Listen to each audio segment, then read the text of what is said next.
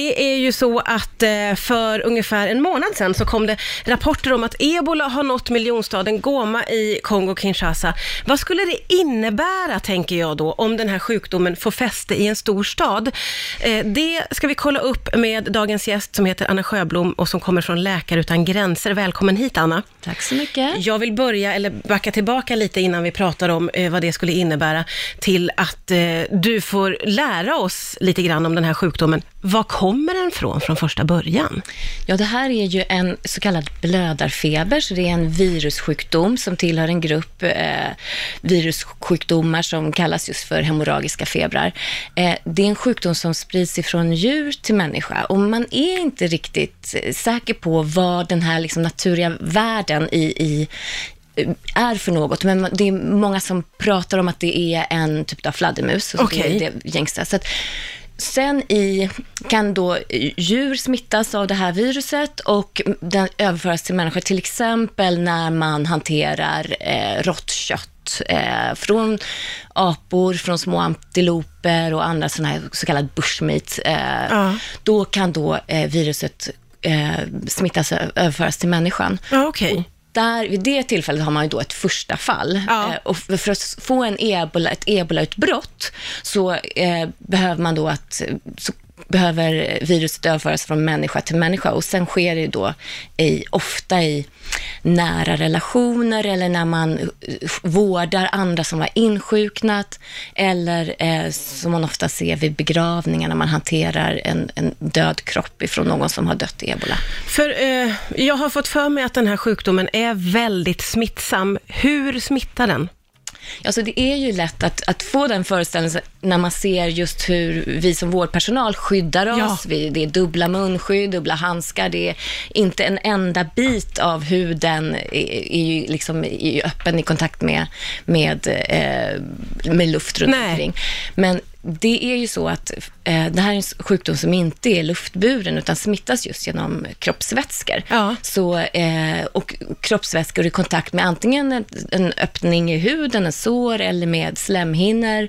Så det är ju fram, den är ju inte så våldsamt smittsam som till exempel mässling, eh, som till exempel influensa och För det har man lite grann fått för sig, att den skulle vara lika Ja, smittsam. Men det är ju för att konsekvenserna om man blir infekterad med ebola är ju så svåra och att dödligheten är så hög. Så Ja. det är en farlig sjukdom och det är därför man skyddar sig så här och det är säkert därför också ebolautbrott får stor uppmärksamhet, skapar stor rädsla eh, och också att, att den är väldigt svårbehandlad, att det inte finns ett, idag ett beprövat sätt att, att bota.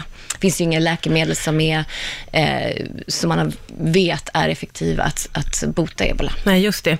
Och det här är ju då en eh, blödarsjuka som är, vad jag förstår, då väldigt svår att behandla. Va, vad är svårigheterna med det, skulle du säga, Anna? Ja, eh, när jag först åkte på ett så kallat ebolauppdrag 2014 till Guinea, då fick jag ju lära mig att det vi kunde göra för våra patienter, det var att behandla symptomen och försöka stabilisera, ge mycket vätska, febernedsättande och så.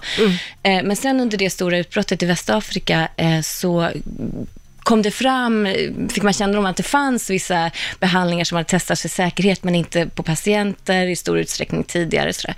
Och nu, idag, så finns det flera behandlingar som man kallar för så kallade experimental treatments, Okej. som inte, alltså man, man, har inte, man vet inte hur effektiva de är, men det pågår just nu en klinisk studie med fyra av de här. Okej. Som, och det är ju läkemedel som på antingen jobbar genom immunförsvaret att, eh, med antikroppar eller försöker pressa ner viruset och virusets förmåga att, att föröka sig i kroppen kan man säga. Ja. Eh, Men sen, den, en stor liksom, genom, genombrott har ju varit att det finns ett vaccin idag. Ja, just det. Och det har ju visat sig vara väldigt effektivt. Så i östra Kongo så har man vaccinerat 160 000 människor. Oj, så pass. Eh, och det har, varit, det har visat sig vara med väldigt goda resultat.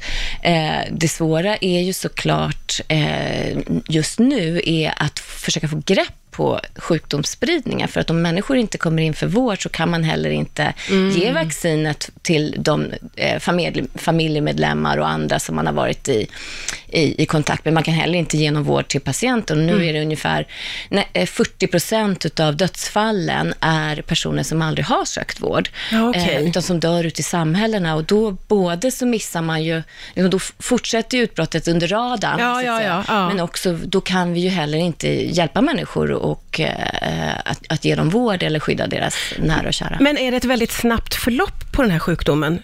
Nej, det kan ta några dagar och, och, och över en vecka också innan man får symptom och de kan vara ganska diffusa till att börja med. Vad kan det vara för någonting? Ja, huvudvärk, ont i kroppen. Jag kommer ihåg patienter som kom in kände att de hade feber, men det var lite, liksom, lite diffust. Och, så. Ja, och sen ja. utvecklar man mer liksom, allvarliga eh, kräkningar och svåra diarréer och liksom, förlorade ganska mycket vätska, gjorde våra patienter. Och, sådär. Mm. och det här med blödningarna, det uppträder hos några patienter, men de är heller inte liksom, så jättekraftiga. Nej.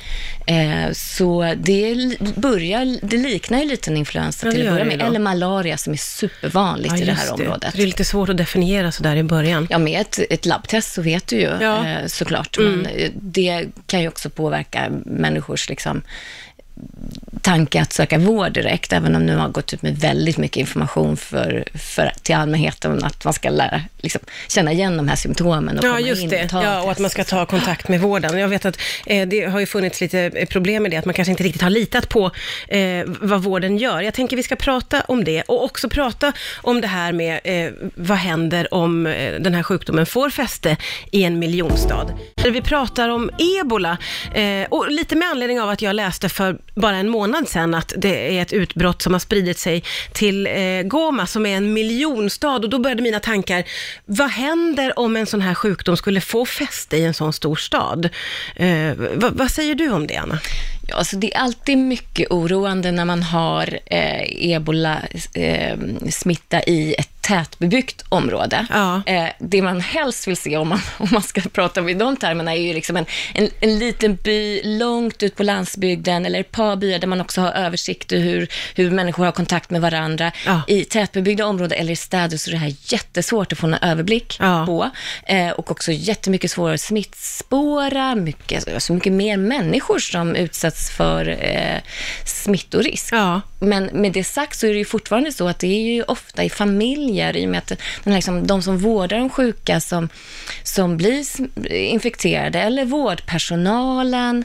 Eh, och ibland kan det ju då finnas kanske mer resurser. I Goma har vi ju då, Läkare Ja. från Läkare utan gränsers håll, varit med i arbetet att eh, liksom, förbereda sjukvården för ett möjligt fall i sju månader. Ja, okej. Eh, Man har kommit igång snabbt med att vaccinera och så, men jag tror oron för de här stora städerna är också för att de i sin tur har kontakt med omvärlden. Ja. Goma har en internationell flygplats till exempel. Många reser in till eh, Kongo-Kinshasa den vägen. Mm. Jag själv kom eh, in via Goma och stannade där en dag. Så det är ju på något sätt en annan typ av eh, mötesplats. då. Så det har ju funnits, det var inte förvånande att det blev e ebolafall. Nu har det inte varit några nya fall på tio dagar i Goma, så vi håller ju tummarna Ja, såklart. just det. Men, men, hur stor är risken att det blir liksom en epidemi? För det är väl det vi är rädda för när vi läser om sånt här.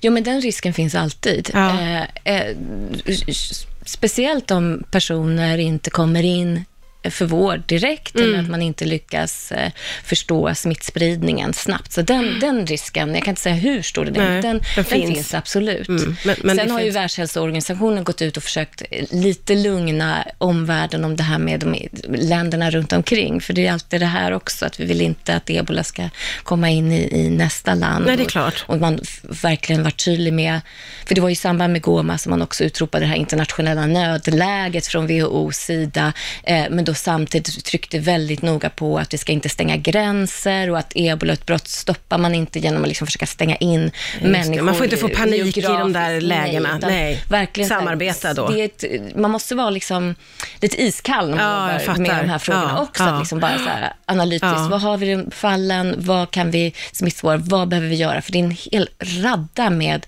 olika insatser som måste sättas eh, på plats när man har ett ebolafall Mm. Ja, ja, just det, en i ett jätte- område. apparat resultat. Innan du går måste jag bara få fråga dig, eh, hur, hur ska man kunna stoppa den här sjukdomen helt och hållet? Är det möjligt? Alltså utbrottet måste ju stoppas genom att man eh, jobbar på en massa olika fronter. Vaccinera människor, se till att du liksom jobbar tillsammans med samhällen i att, att få människor att, att vara delaktiga i att eh, hjälpa människor till vård. Mm. Eh, också säkra begravningar är en jätteviktig del. Allmän hygien och skyddas, liksom, börja tvätta händerna i stor utsträckning. Ja, det är det, det. man, man, man, man sätter på plats också från dag ett, så att det, den här kontakten inte eh, finns mellan... Viktigt att ut, alltså. Ja, det är utbilda jättemycket på det som måste sättet. göras. Ja, jag Och- förstår och det. I, I Kongo så handlar det ju om att man måste ha hjälp utifrån. Det här kommer vara svårt att klara på egen hand och Mm. därför är vi ju många organisationer också på plats och Mm. försöker hjälpa till att, få, att, att eh, människor ska få vård och att stoppa utbrottet. Mm. Eh, Anna Sjöblom från Läkare Utan Gränser, tack så jättemycket för att du kom hit och lärde oss om ebola idag.